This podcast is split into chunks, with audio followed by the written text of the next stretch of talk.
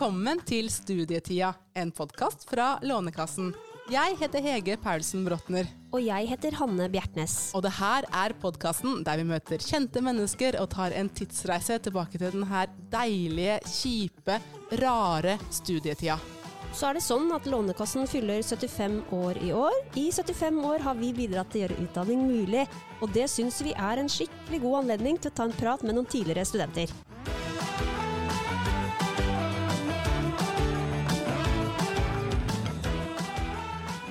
I dag har vi hatt besøk av psykolog Peder Kjøs. Ja, og han elska å sitte på lesesalen i timevis og vandre rundt i Oslo med militærbudsa sine. Ja, han gjorde det. Men sjøl om han hadde en veldig fin studietid, så hadde han også veldig tøffe perioder. Og han fortalte oss at han sjøl gikk til psykolog under studietida. Ja, og i denne episoden så gir han jo også gode, mange gode råd til studenter som sliter. La oss høre på hva Peder sa.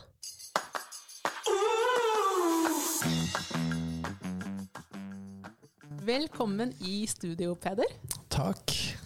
Du studerte psykologi på Universitetet i Oslo på 90-tallet.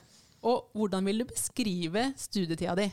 Eh, Det var eh, Det var en veldig fin tid, syns jeg jo nå. Da jeg var midt oppi det, så syns jeg også det var en fin tid. Men det er jo klart, det er jo Livet er jo alltid både òg, så det var jo det.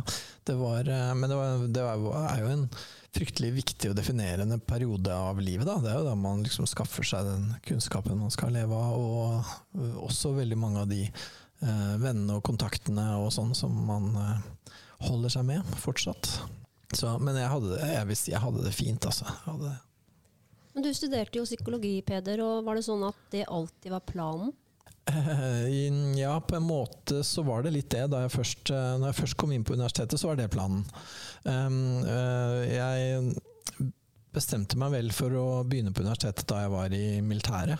For da begynte jeg så vidt å lese litt til X-Fill. Egentlig hadde jeg også søkt på lærerskolen, og jeg hadde også lyst til å eller jeg vurderte da, sykepleie, faktisk. Så det var litt, og lærerskolen kom jeg inn på, faktisk. Og så tenkte jeg at jeg hadde mer lyst til å begynne på X-Fill, fordi jeg hadde lest eh, litt av pensum og sånn. Og da var planen å gå videre på psykologi. Men hvilke år var det her? Ja, det, her, det var vel i var mart 1988. Men, men hvordan var det på den tida? Kom du rett inn på det her embetsstudiet, eller hvordan funka det? Nei, da var det man, Det var åpent på grunnfag, da, som det het den gangen. Og så tok jeg grunnfaget, og så hadde man den karakteren var den man søkte plass på MB-studiet med. Siden det var åpent på grunnfaget, så var det ganske mange som var kvalifisert. Sånn at det var kø, da. De hadde ikke kommet opp med noen bedre løsning enn at det var kø. Så jeg venta i to år fra, fra mellom grunnfaget og embetsstudiet. yes, Hva dreiv du med da? I de to åra tok jeg idéhistorie grunnfag. Um, og så tok jeg um, uh, sosialantropologi grunnfag. Og begge de to tinga er jeg fryktelig glad for. for egentlig så, liksom, Jeg tenker kanskje sånn lånemessig og på alle måter så hadde det vært lurt å kanskje jobbe, og det var mange som gjorde det, men vi var også ganske mange den gangen som drev og tok fag, da. Og lagde sånne rare kanmag-grader som besto av helt uh, uforenlige ting. Um, men jeg tenkte ikke egentlig det. Jeg, jeg husker faktisk ikke helt hvorfor det ble til at jeg tok fag istedenfor å jobbe. Det ville på en måte vært kanskje mer typisk meg å jobbe på en måte. Men men, ja. Men husker du da du fikk beskjed om at nå har du kommet inn? Du Vet du hva, jeg husker faktisk ikke det konkret. Nei. Jeg gjør ikke det. Eh, Jeg husker faktisk ikke det, for jeg, jeg vet ikke. Jeg, jeg tror ikke jeg på en måte liksom skjønte helt at det var litt spesielt. da. Jeg tenkte liksom ja, nå har jeg gjort det, og så kom jeg inn og er ferdig med det. Jeg, jeg kan ikke liksom huske at jeg liksom hadde noen sånn følelse av liksom, tenk om jeg ikke kommer inn. Jeg, jeg hadde ikke egentlig helt uh, det. Men du visste ikke at det var to år du skulle vente? Nei, men jeg regna med at det var kanskje halvannet eller to år, eller et eller annet, et eller annet sånt. Vi visste jo det. Så da jeg fikk beskjeden, så var det sånn Ja, kult. Kult. Da starter vi med embetsstudiet.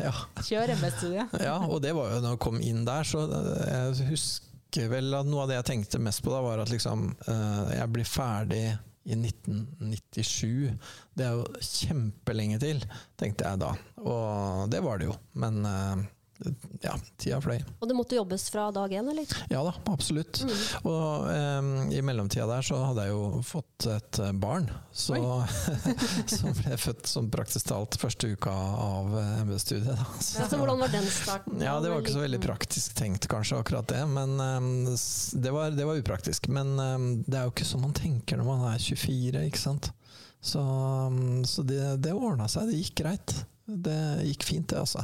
Det var faktisk Jeg vil jo si at eh, det var veldig fint å være student og ha barn, egentlig. Det er jo klart at da tar jo det mye fokus, og da er man forelder, og det setter jo veldig begrensninger på liksom en god del sånn studie, studentaktiviteter, for så vidt. Men jeg var ikke så opptatt av det uansett, så det var det var veldig greit, og for meg så var det veldig berikende å være forelder, det vil jeg virkelig si.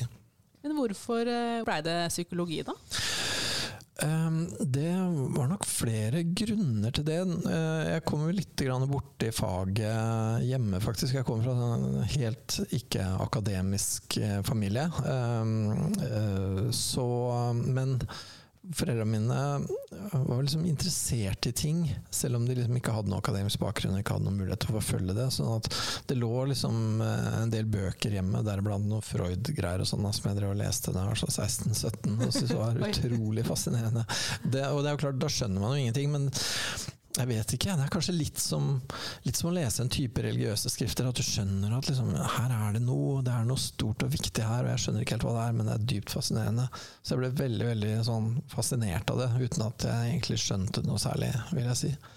Men eh, da lå det liksom der, da, som en interesse. Og så har jeg alltid vært glad i å lese og sånn. Og så 1987-88, det var akkurat på den tida da det var veldig mye sånn derre eh, s- filmer om sånn seriemordere og sånne ting. Det var liksom, for det der med seriemordere det kommer og går i mote, Mm. i sånn trendbilde. Og akkurat da så var det en sånn seriemorderperiode. Så jeg var litt opptatt av det. da, og liksom, Åssen er det de tenker, de som er helt totalt fucka opp, liksom. Og det syns jeg var spennende, da. Og, og sånn. Så tenkte jeg at det var interessant. Men man skal ikke egentlig gå så langt inn i det før det ikke er spennende. Det er egentlig bare trist, bare tragisk og fryktelig. Eh, det er ikke fascinerende når man går litt inn i det. Det er fascinerende hvis man ser på nattsvermeren, men eh, to centimeter under overflaten så er det bare tragedie og trist. Så, men det er jo det fine med faget, da. At en ganske banal overfladisk interesse kan være grei nok. Man kommer da inn, og så hvis man da skjønner, og det skjønner man jo fort, at her er det mye mer og mye viktigere ting, så er du veldig opptatt av utviklingspsykologi og liksom, eh, sosialpsykologi, kanskje spesielt. Typisk sånne eksperimenter med at man setter folk i situasjoner, og hvordan de gjør det, og gruppeatferd og sånne ting. Men hvordan var studiet? Var det mye teoretisk rettet, eller Mm. er det også praktisk? Det er jo praktisk også etter hvert, men eh, i begynnelsen så er det jo veldig teoretisk, ja. Mm. Mange timer på lesesal. Ja, og det likte jeg veldig godt. Jeg syns det var uh, veldig fint. Ja, hvorfor det? Nei, jeg, jeg, likte, jeg liker jo å lese, da.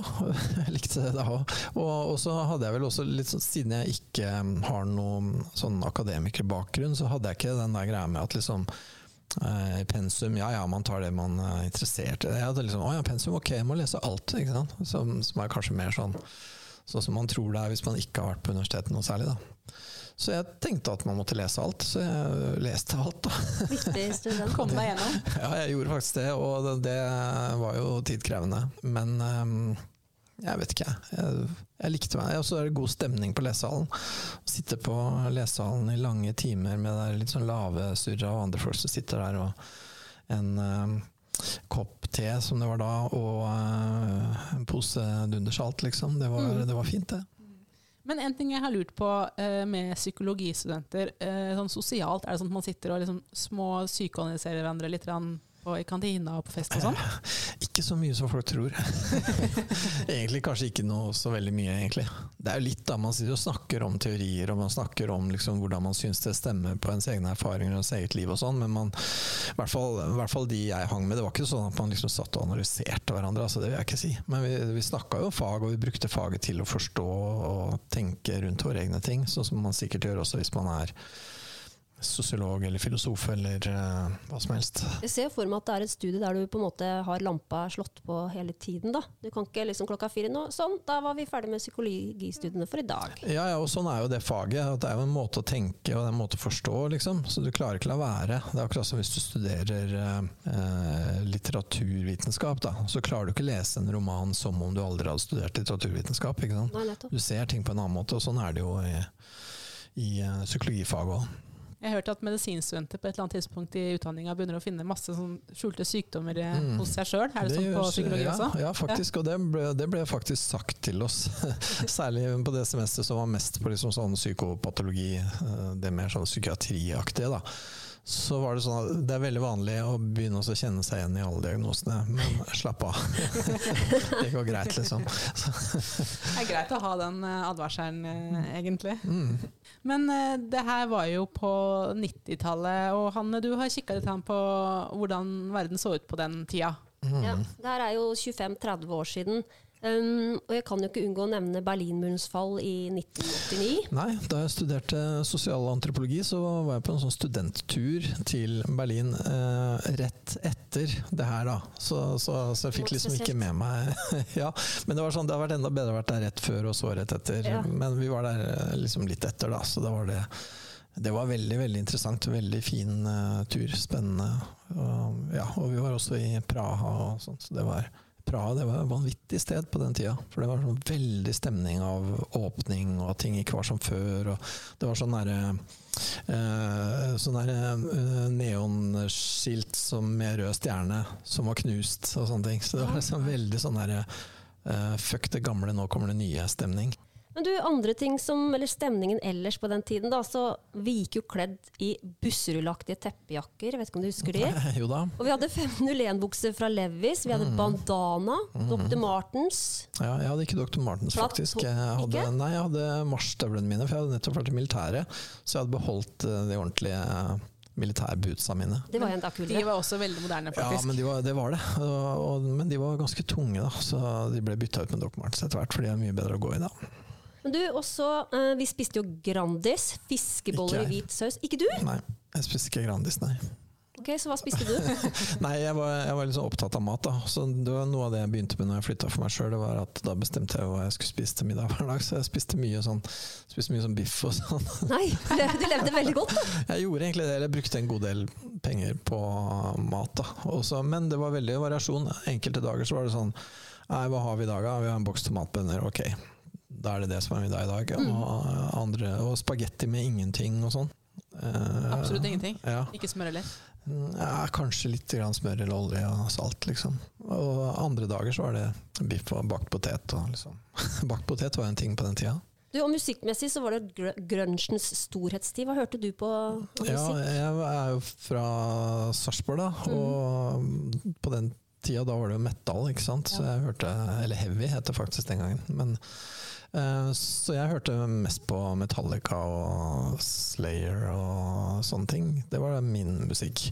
Så um, grunge, det jeg, jeg likte ikke Nirvana. Jeg syntes Nirvana var kjedelig. Og, og Pearl Jam og sånn. Hva er det her for noe tull? Liksom?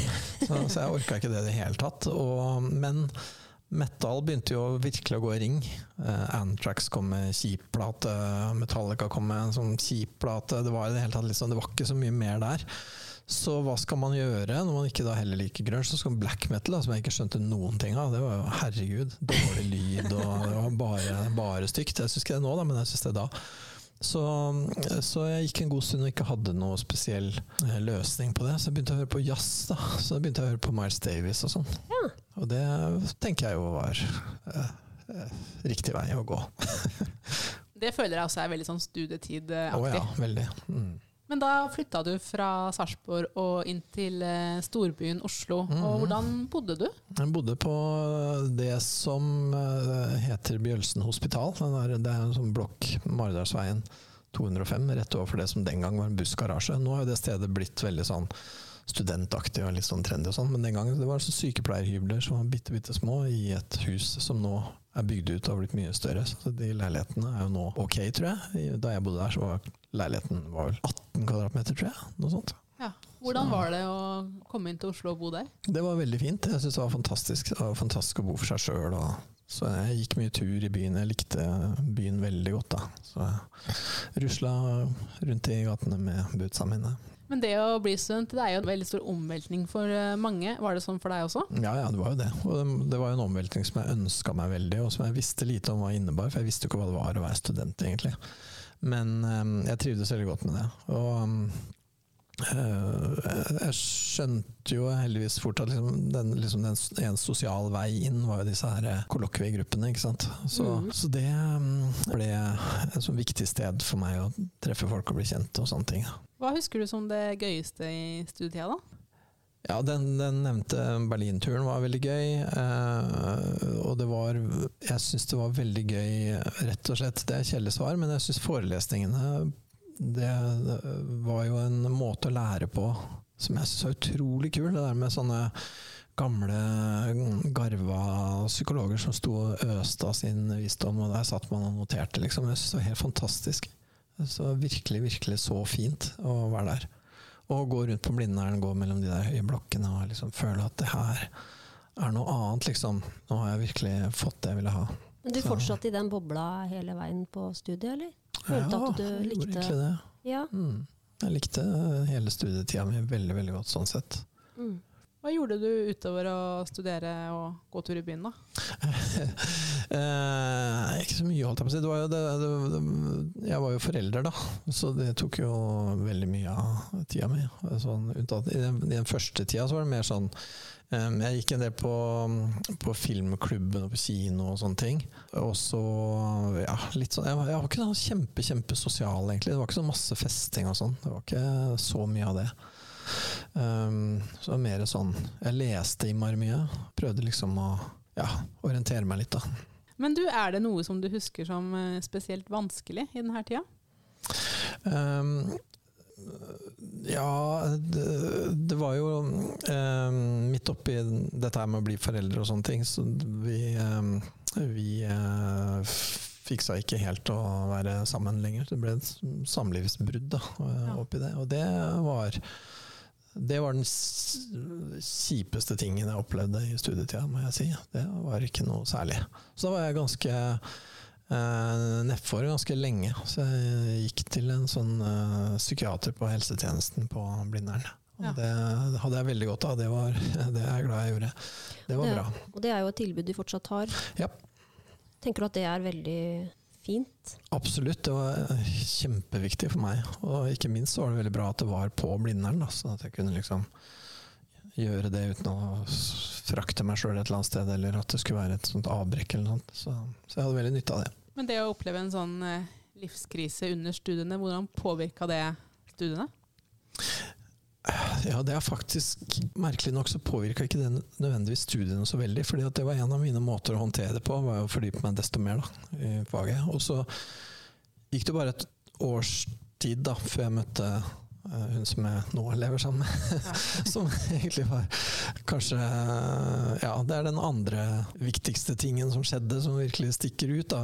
Og det, var liksom, det at vi møttes da, at vi hadde den siste tida av studiet sammen, og vi skrev hovedoppgave sammen og sånne ting. Det, det å liksom ha den typen eh, forhold også på slutten der av studiet. Det, jeg vet ikke. Det er, det er jo mange som møter partneren sin på studiet, selvfølgelig. Men vi var jo også på samme studium. Ikke på samme kull, da, men begge var jo psykologistudenter. Så vi eh, hadde jo den interessen felles, og vi holdt på med det hele tida. Vi snakka konstant om det. Det gjør vi for så vidt fortsatt, 30 år seinere.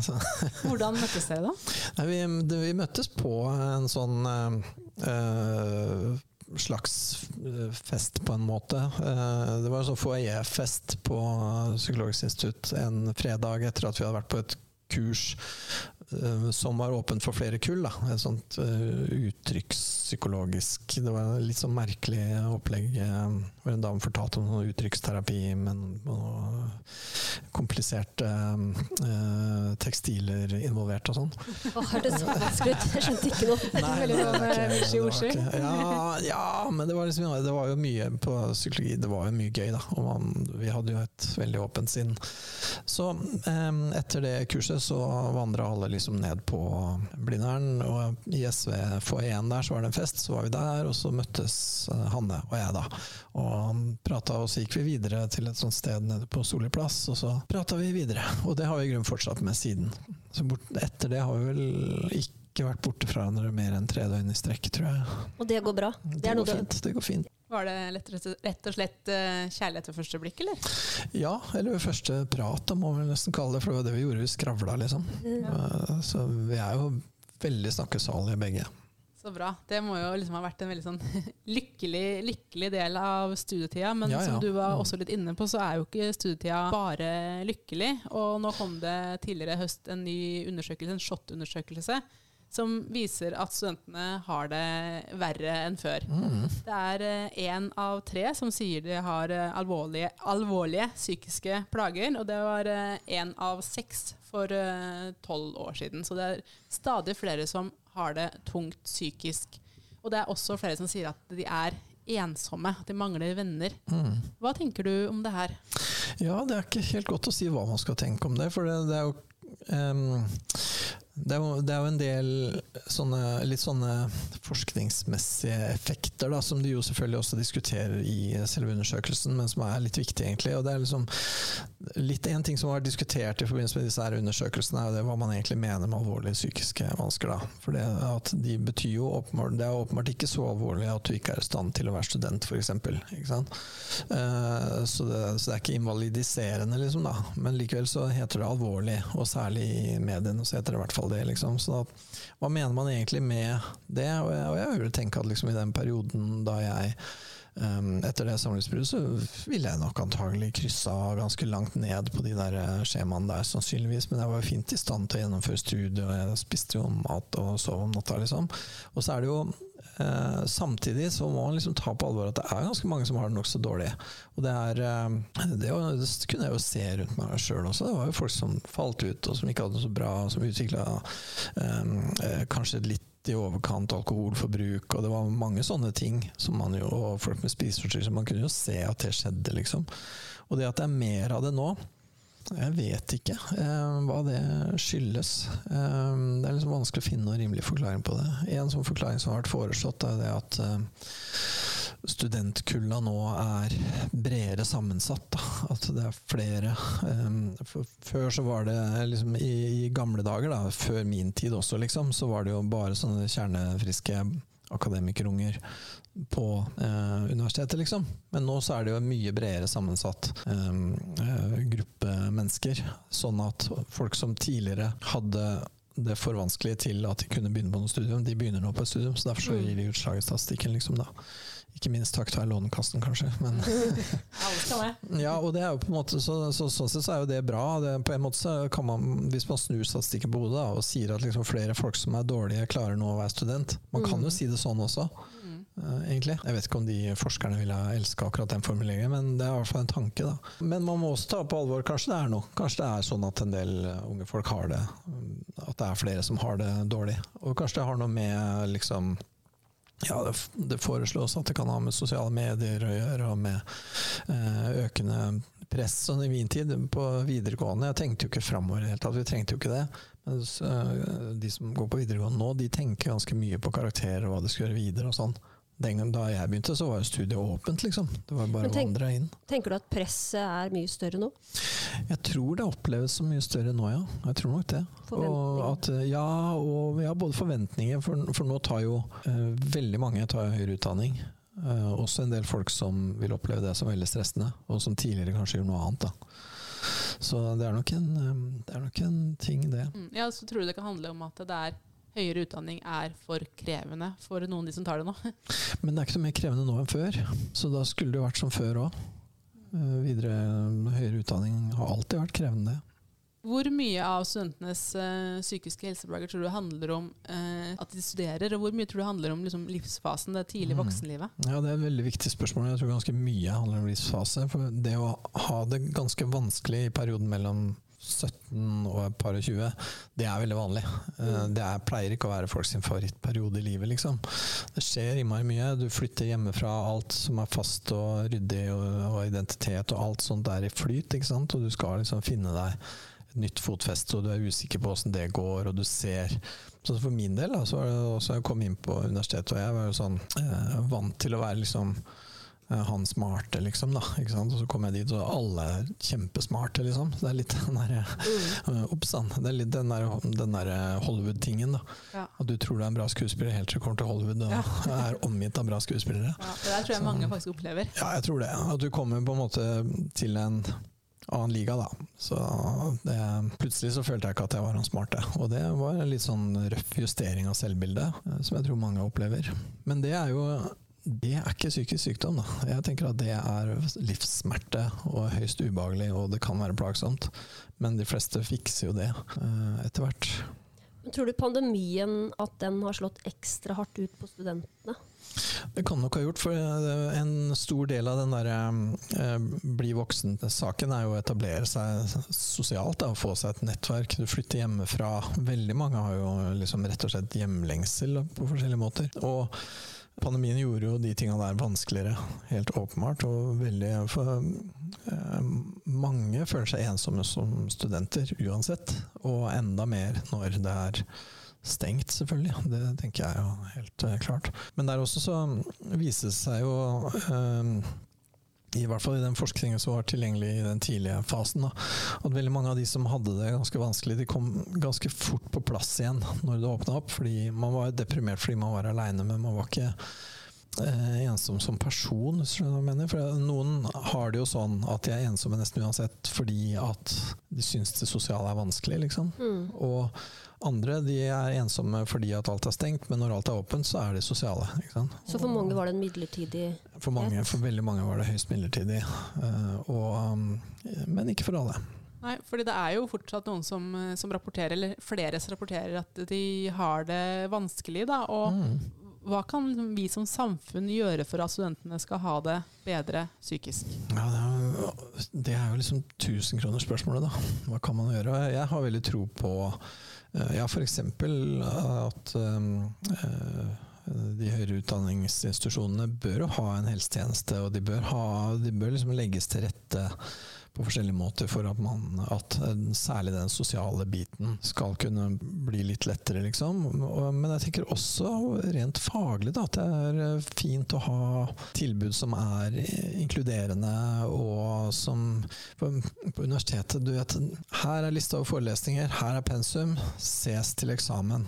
Sant? Og det er en ganske tøff læringsform når du er vant til å, liksom, å bli gjeta gjennom videregående, eh, som heller ikke alle opplever at det blir for den saks skyld. Da. Men eh, så, så det er ekstremt krav til selvstendighet. Og eh, for meg så var det lett jeg, jeg visste jo, som jeg sa, jeg visste jo ikke noen ting, så jeg tenkte ok, jeg må lese alt, jeg må gå på alle forelesninger, liksom. Um, som jo for så vidt er en ganske bra strategi, men ekstremt krevende, da. Men for meg så øh, å skjønne hva som gjelder, hvordan leser man, hvordan leser man akademisk, hva er akademisk læring? For meg så var det veldig mye eh, kollokviene, øh, eller disse her gruppene, som til dels var organisert også. ikke sant? Sånn, eh, seminarundervisning da, var veldig viktig for meg, både sosialt og for å skjønne akademia, liksom. Så, så jeg tror på det. Både, for, for, altså jeg er litt sånn Litt mer skeptisk kanskje til sånn fadderuka-type opplegg. Hvor de som er mest sosiale fra før, drikker seg drita på samme måte som før. Eh, ja ja, de klarer seg, de trenger ikke egentlig at universitetet støtter det, egentlig, tenker jeg da. Jeg tenker at det må gjøres, og det tror jeg kanskje har skjedd noe de senere åra òg. At det der er mer inkluderende, og at det er mer innretta på at også de som liker andre måter å omgås på, da, eh, skal kunne møtes, liksom. Ja, for tenker du, altså Fadderuka er jo starten på alle sitt studie. Tenker du at den kan være ganske hard og tøff for mange? Ja, sikkert, og jeg er sikker på at ganske ganske mange føler at akkurat den måten å bli kjent på, det er liksom Ja, ok, så det er sånn som på ungdomsskolen, da. At liksom utafor igjen, liksom. Mm. Eh, Det tror jeg nok. Eller det vil si, det hører jeg fra en del folk.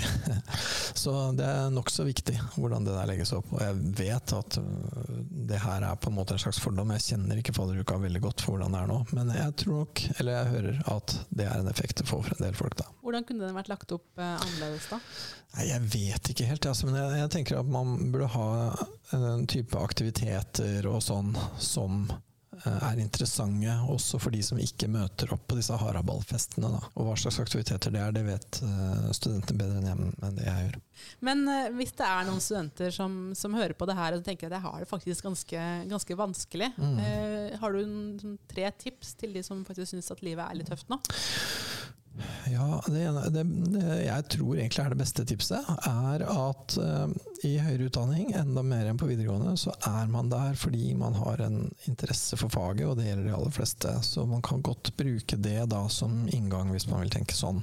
Jeg tenker eh, faglige samarbeid, kollokviegrupper, den type ting, er fantastisk bra. Både faglig og sosialt. Og da møter du også andre som er sånn som deg, hvis du er seriøs faglig, da. Så det, det er et sånt tips. Og det andre tipset er bli med, liksom.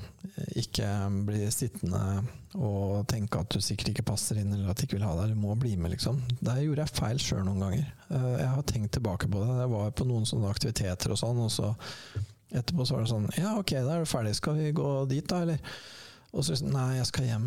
Ja. Og det er sånn, ah, nei, det, det har jeg tenkt etterpå. At det er i hvert fall en tre-fire sånne, og jeg tenker at det hadde vært utrolig mye bedre om jeg hadde blitt med, liksom. Så si ja. Si ja til ting, ikke sant. Og det er klart, selvfølgelig så er det en terskel, og det kan bli kleint og sånn, men det er enda mindre bra å bli sittende aleine. Så ja, den, en av de gangene jeg ble med, så fikk jeg meg jo den kjæresten jeg fortsatt har. Så, så lær av meg. Og så er det en tredje ting, jeg vet ikke hva det skal være. Jeg tenker vel at det også er viktig å holde kontakten uh, med de som du på en måte har langvarige relasjoner til fra før. Da. Hvis du har foreldre, søsken, hold kontakten, liksom. Mm. Da, eh, ringe, ringe og ha kontakt. Husk at man fortsatt har det, sjøl om det er et stykke unna. Ja, men, men der er det også en felle, da. Hvis du blir for det var, det var jo alltid noen på studiet som også var der, liksom. At de, de var aldri til stede fordi at de skulle hjem, da. Ikke sant? Og det, det er ikke, da, da blir det det, da. Og det er jo et valg, ikke sant. Så det er folk jeg kjente som kom fra Fredrikstad og studerte i Oslo og flytta hjem til Fredrikstad og kjente ingen fra Oslo, liksom. Mm. Og det, det er jo Ja ja, ok, det er et valg, men ikke min anbefaling. Men du, hvis vi skal se litt eh, tilbake på studietida som helhet, hvordan vil du si at denne tida har uh, forma deg? Jeg føler jo at det har forma meg veldig eh, dypt, på en måte. Det var, var en mulighet til å forfølge um, interesser og tendenser og ønsker og behov som eh, jeg ikke kunne egentlig fått liksom, brukt eller latt meg forme på noen annen måte, tror jeg. Eh, Andre gjør det på andre måter. Andre liksom reiser jorda rundt, eller de på en måte gjør forskjellige ting. For meg så er det å liksom studere, møte de folka jeg møtte, få et barn De tinga der har jo selvfølgelig forma livet mitt. eh, Og jeg er veldig glad for det aller meste av det. Men du fortalte til oss før, eh, før vi møttes i dag at du har gjort en, tenker at du har gjort en kulturell klassereise. ja, jeg har på en måte det. I, det, det jeg er liksom glad i det klassereisebegrepet. Liksom, det, det er jo kanskje Jeg vet ikke hvor Det var en periode på 2000-tallet hvor vi snakka mye om det. Hvor det kom en del bøker og sånn som handla om det. fordi det var jo en ting at eh, eh, på kanskje sånn 60-, 70-, til dels 80-tallet så var det veldig mange nordmenn som gjorde en sånn økonomisk klassereise. Eh, Veldig mange folk som kom fra enkle kår, eh, fikk god råd og ble middelklasse og vel så det. Sånn som mine foreldre gjorde. da. De kom fra ganske sånn enkel bakgrunn, men ordna seg. Men det er klart at du klarer ikke da å samtidig skaffe deg en kulturell kapital da, på samme tid. Det skal noe til. Så mine foreldre, jeg tenker det at det lå slang eh, Freud-bøker eh, hjemme, det var vel kanskje at de hadde liksom lyst og de var liksom interessert, men det ble ikke til det. Det ble, det ble ikke lange utdanninger og sånn for dem. For dem så ble det å ordne seg økonomisk, sånn at jeg og mine søsken liksom har vokst opp i en komfortabel økonomi, men ikke så mye kultur. Og at vi har da gjort den kulturelle klassereisen, som er den klassereisen 2, da, som er med i 90-tallet, 2000 kanskje, ikke sant? som det var mye som handla om på den tida. Da. Det var en del bøker uh, om det. Blant annet uh, han, Lars Ove Seljestad, som skrev en bok som het 'Blind', som gjør veldig inntrykk på meg. En kar som kommer fra Odda og er arbeiderklassegutt og lykkes ikke noe særlig der. Så han drar til Blindern og prøver å dra hjem igjen, og det går ikke så bra. Ikke For Han passer ikke der lenger, har reist bort fra det.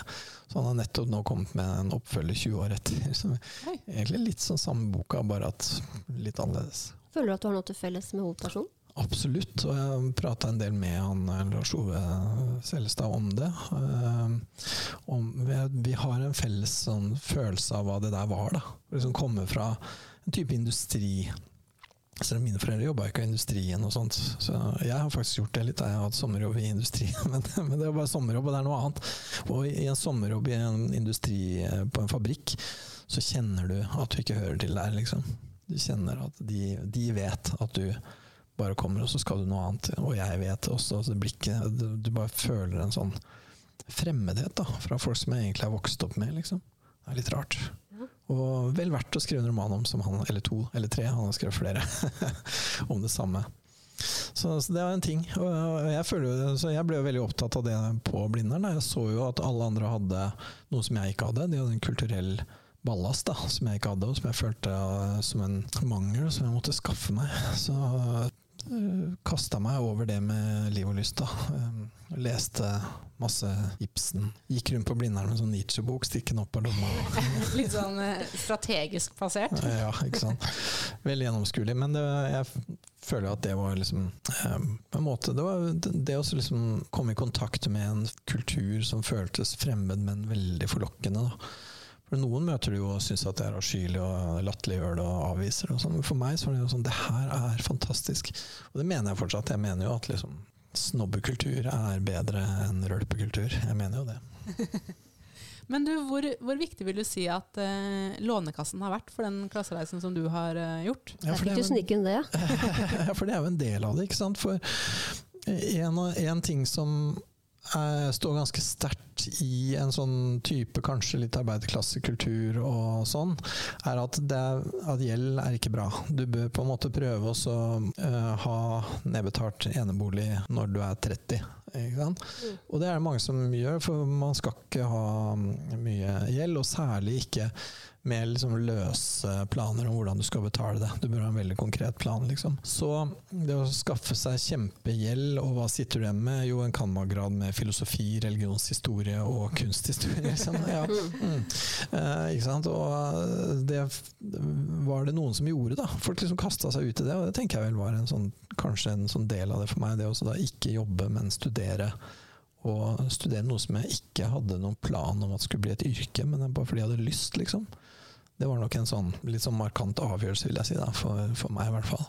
Og det eh, kunne jeg gjøre fordi at Lånekassen fantes, hvor man kan låne på uh, greie vilkår, da, for å si det sånn. Og lett tilgjengelig, og du kunne låne uten å ha en hel masse ryggdekning fra andre og sånn.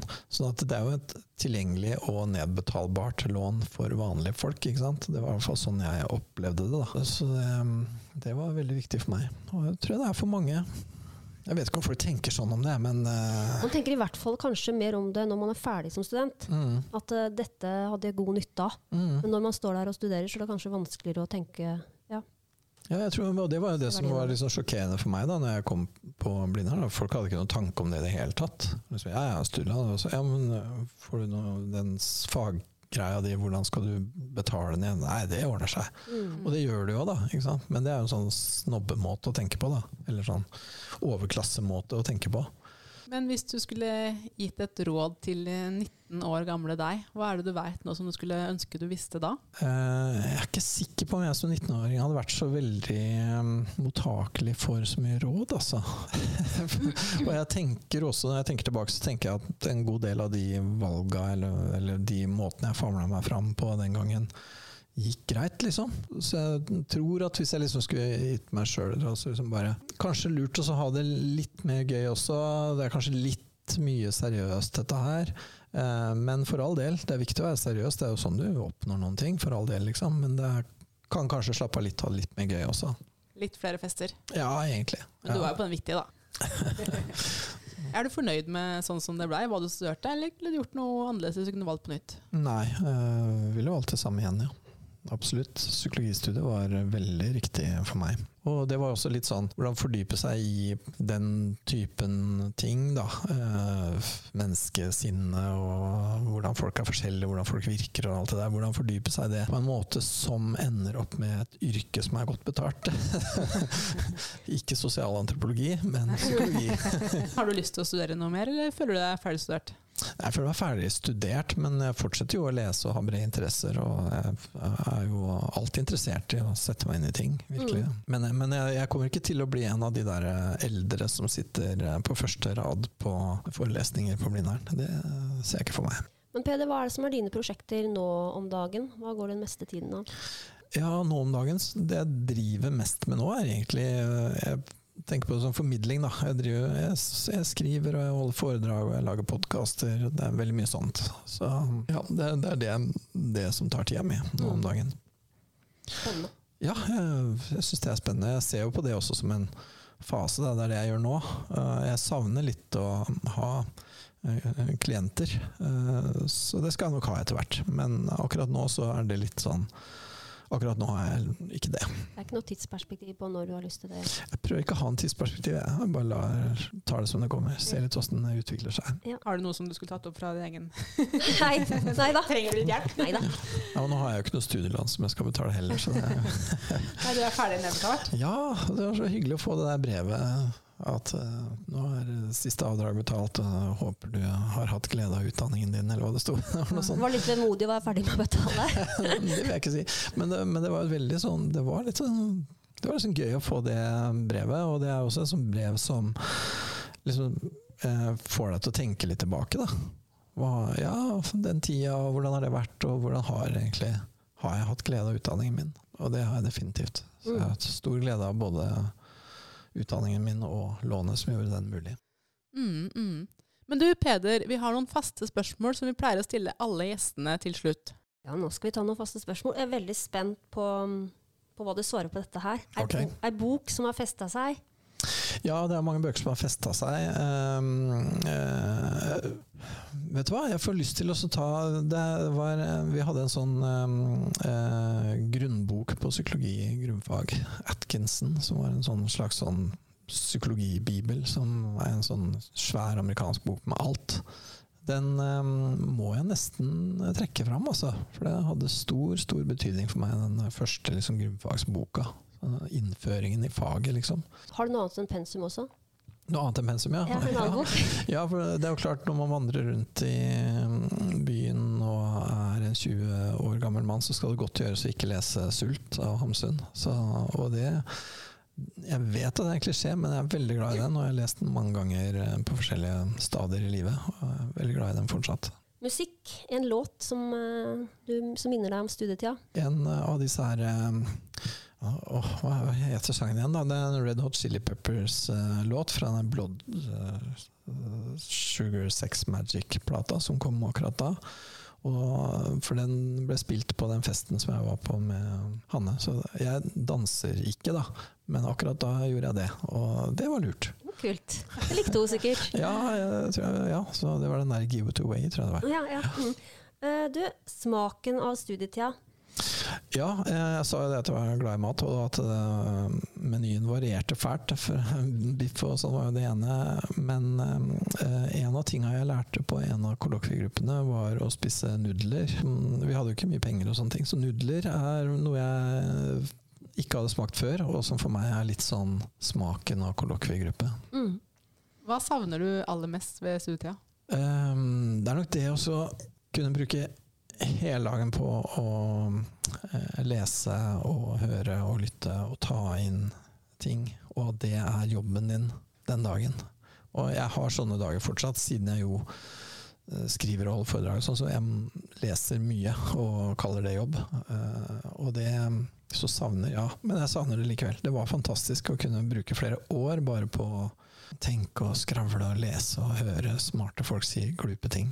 Det høres eh, helt fantastisk ut. Det er det. Tusen takk, Peder, for at du kom til oss og delte minner fra studietida di med oss. Du har hørt en podkast fra Lånekassen. Hvis du har noen tilbakemeldinger til oss, ris, ros, spørsmål eller hva som helst, send oss gjerne en e-post på studietida krøllalfa lanekassen.no.